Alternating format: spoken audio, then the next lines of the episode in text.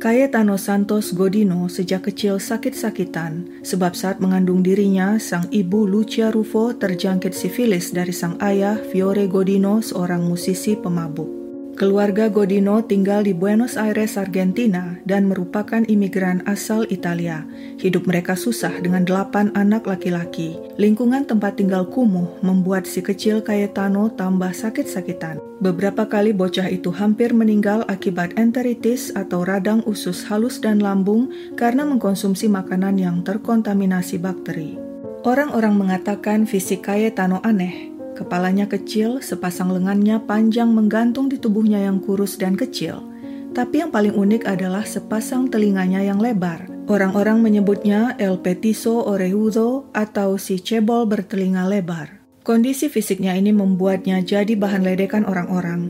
Ayah dan saudara-saudara kandungnya juga sering melampiaskan kemarahan mereka padanya. Sejak kecil, Cayetano sudah menunjukkan sifat antisosial. Dia nakal, suka melanggar peraturan, dan sadis. Dia pernah mencekik burung-burung kenari milik keluarga hingga hewan itu tewas dengan mata melotot nyaris keluar dari rongganya. Di sekolah, prestasi Cayetano buruk. Karena tingkahnya, terpaksa dia pindah sekolah beberapa kali. Tapi karena tidak ada perubahan, orang tuanya akhirnya membiarkan saja bocah itu luntang-lantung tidak sekolah dan menghabiskan waktunya bermain di jalanan layaknya anak jalanan. Meski Cayetano Santos Godino masih bocah, tapi sifatnya kejam. Pikirannya dipenuhi hal-hal gelap dan sadis melebihi pemikiran orang dewasa. Keinginannya sangat kuat untuk menyakiti, karena dia bertubuh kecil dan masih anak-anak, dia memilih korban anak-anak juga, terutama anak-anak yang usianya jauh lebih muda darinya. Pada usia 8 tahun, Cayetano pertama kali melakukan kejahatan. Pada 28 September 1904, dia memancing Miguel de Pauli anak usia 2 tahun ke sebuah lapangan dengan janji akan memberinya permen. Sesampai di sana, dia melemparkan si anak ke semak belukar penuh duri. Untung saja seorang polisi lewat dan mendengar tangisan Miguel. Si polisi kemudian menangkap Cayetano yang telah menyakiti anak itu. Tapi karena tidak melihat ada hal yang fatal, polisi pun membebaskan Cayetano dengan peringatan agar dia jangan mengulangi perbuatannya itu. Cayetano senang dia bebas dari hukuman. Hal ini membuat dia semakin percaya diri. Tak perlu menunggu lama, seminggu kemudian Cayetano kembali melakukan aksi sadisnya. Kali ini dia mengajak Anita Neri, bocah berusia 18 bulan ke sebuah padang rumput. Setiba di sana, Cayetano menghantam kepala Anita dengan sebongkah batu. Lagi-lagi Cayetano tertangkap, tapi polisi hanya memperingatkannya saja dan melepaskannya. Polisi menganggap apa yang dilakukan Cayetano adalah kenakalan biasa anak-anak. Beberapa lama Cayetano tidak melakukan kejahatan apa pun. Namun pada 22 Maret 1906 dia kembali beraksi. Cayetano mengajak seorang anak bernama Maria Rosa berusia dua tahun ke tempat pembuangan sampah. Setiba di sana, dia berusaha mencekik Maria meski gagal. Karena kesal, Cayetano lalu mencampakkan Maria ke parit dan menimbunnya hidup-hidup dengan puing-puing. Maria dinyatakan hilang dan tidak seorang pun menemukan jasadnya sebab kemudian sebuah rumah dibangun tepat di atas jasad Maria yang tertimbun puing. Ini merupakan pembunuhan pertama yang dilakukan Cayetano dan saat itu usianya memasuki 10 tahun. Di usia 10 tahun ini juga orang tua Cayetano memergoki dirinya melakukan masturbasi terus-menerus. Saat itu di Argentina, masturbasi adalah perbuatan ilegal sehingga orang tuanya kemudian memutuskan menyerahkan Cayetano kepada polisi. Polisi pun menjebloskan Cayetano ke penjara selama dua bulan agar jera dari perbuatannya. Sekeluar dari penjara, Cayetano bukannya jera, malah semakin sadis.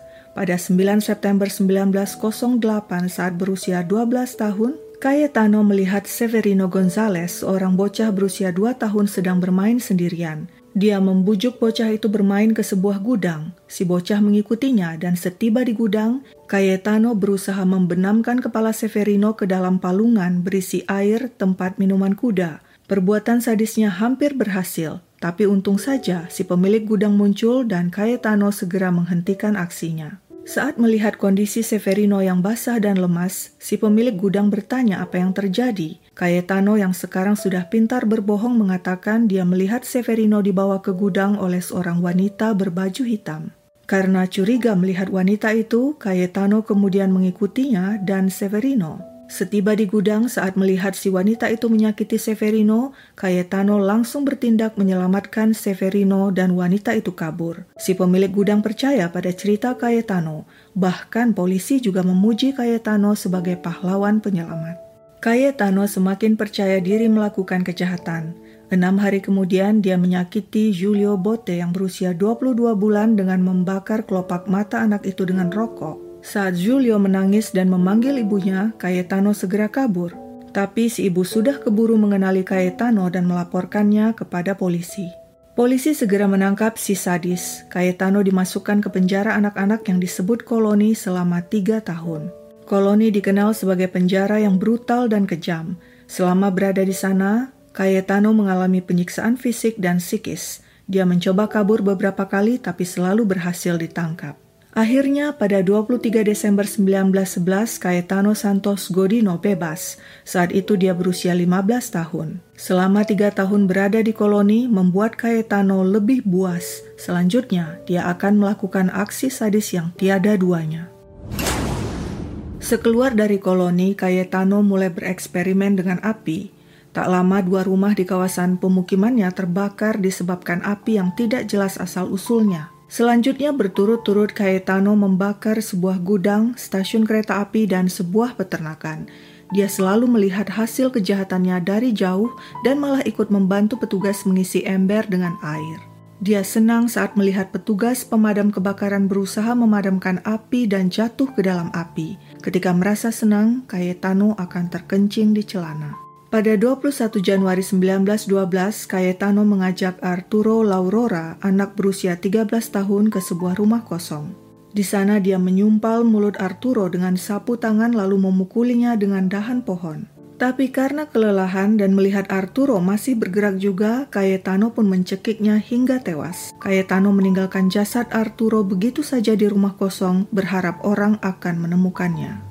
Aksi kejahatan Cayetano tidak diketahui siapa pun, dan pada 7 Maret 1912 dia mengulanginya lagi. Kali ini korbannya adalah Reina Bonita Vainikov, seorang anak berusia lima tahun. Saat itu Reina sedang melihat-lihat sepatu di etalase toko. Tiba-tiba dia menjerit. Orang-orang yang melihat menyaksikan api membakar gaun Reina. Seorang polisi yang lewat segera memadamkan api itu. Tapi malang, Reina mengalami luka bakar parah dan setelah dirawat selama 16 hari di rumah sakit, dia pun meninggal. Pelakunya adalah Cayetano yang melemparkan korek api ke gaun Reina saat lewat di dekat anak itu, dan tidak seorang pun yang tahu. Jika dihitung hingga saat itu, korban pembunuhan Cayetano sudah berjumlah tiga orang.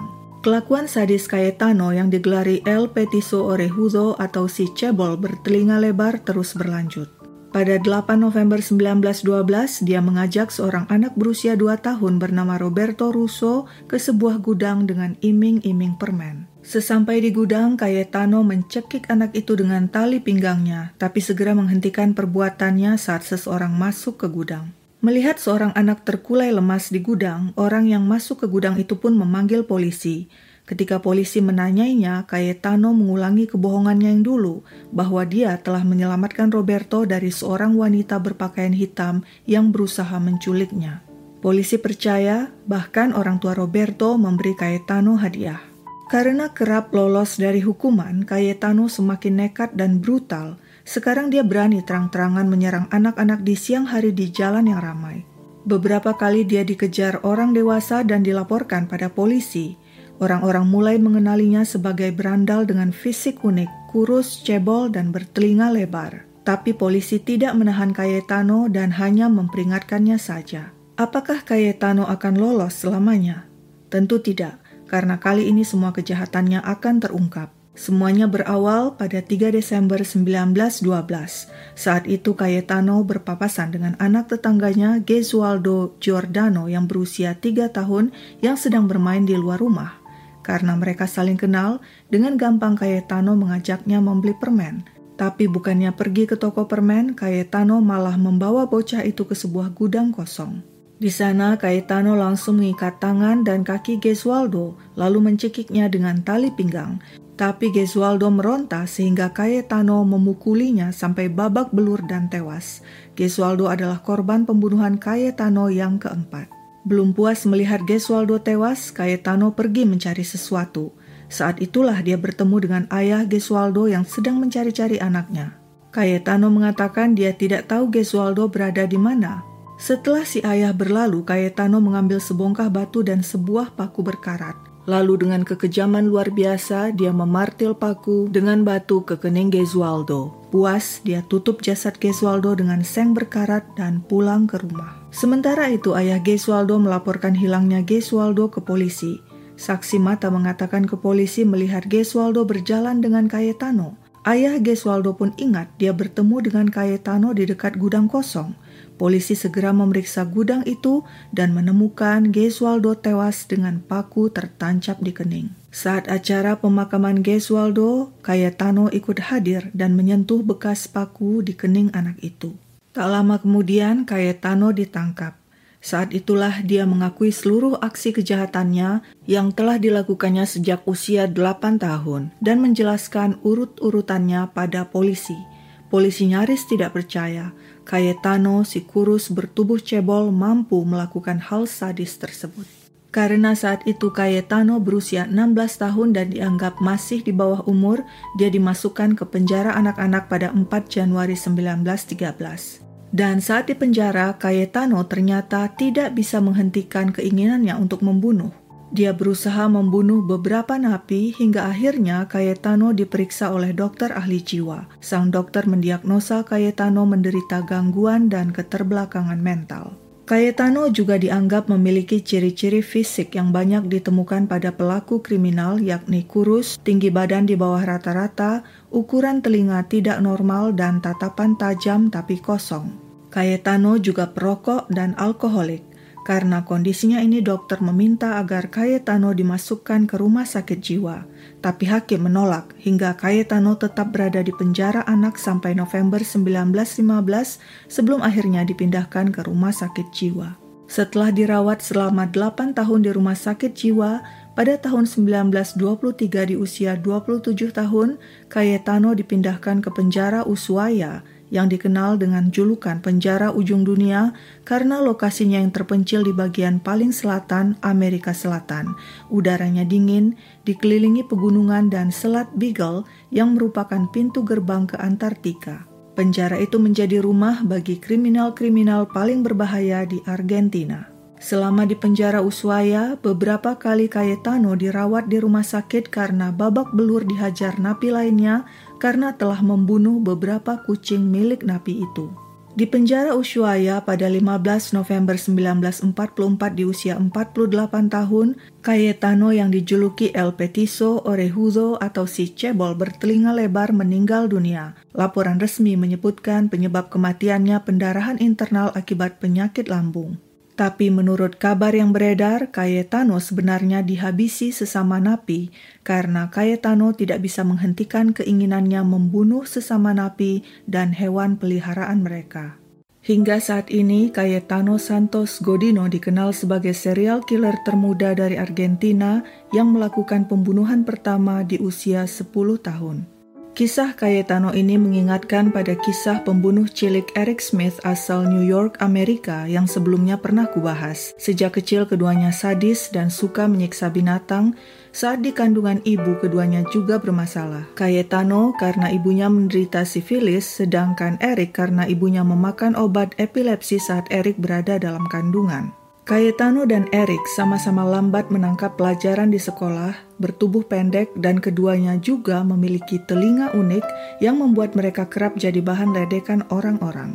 Apakah kalian percaya pada diagnosa dokter ahli jiwa Cayetano yang pernah mengatakan bahwa ciri-ciri fisik yang banyak ditemukan pada pelaku kriminal seperti Cayetano adalah tubuh yang kurus, tinggi badan di bawah rata-rata, tatapan tajam dan kosong serta ukuran telinga tidak normal? Sekian dulu ceritaku, sampai jumpa di cerita lain.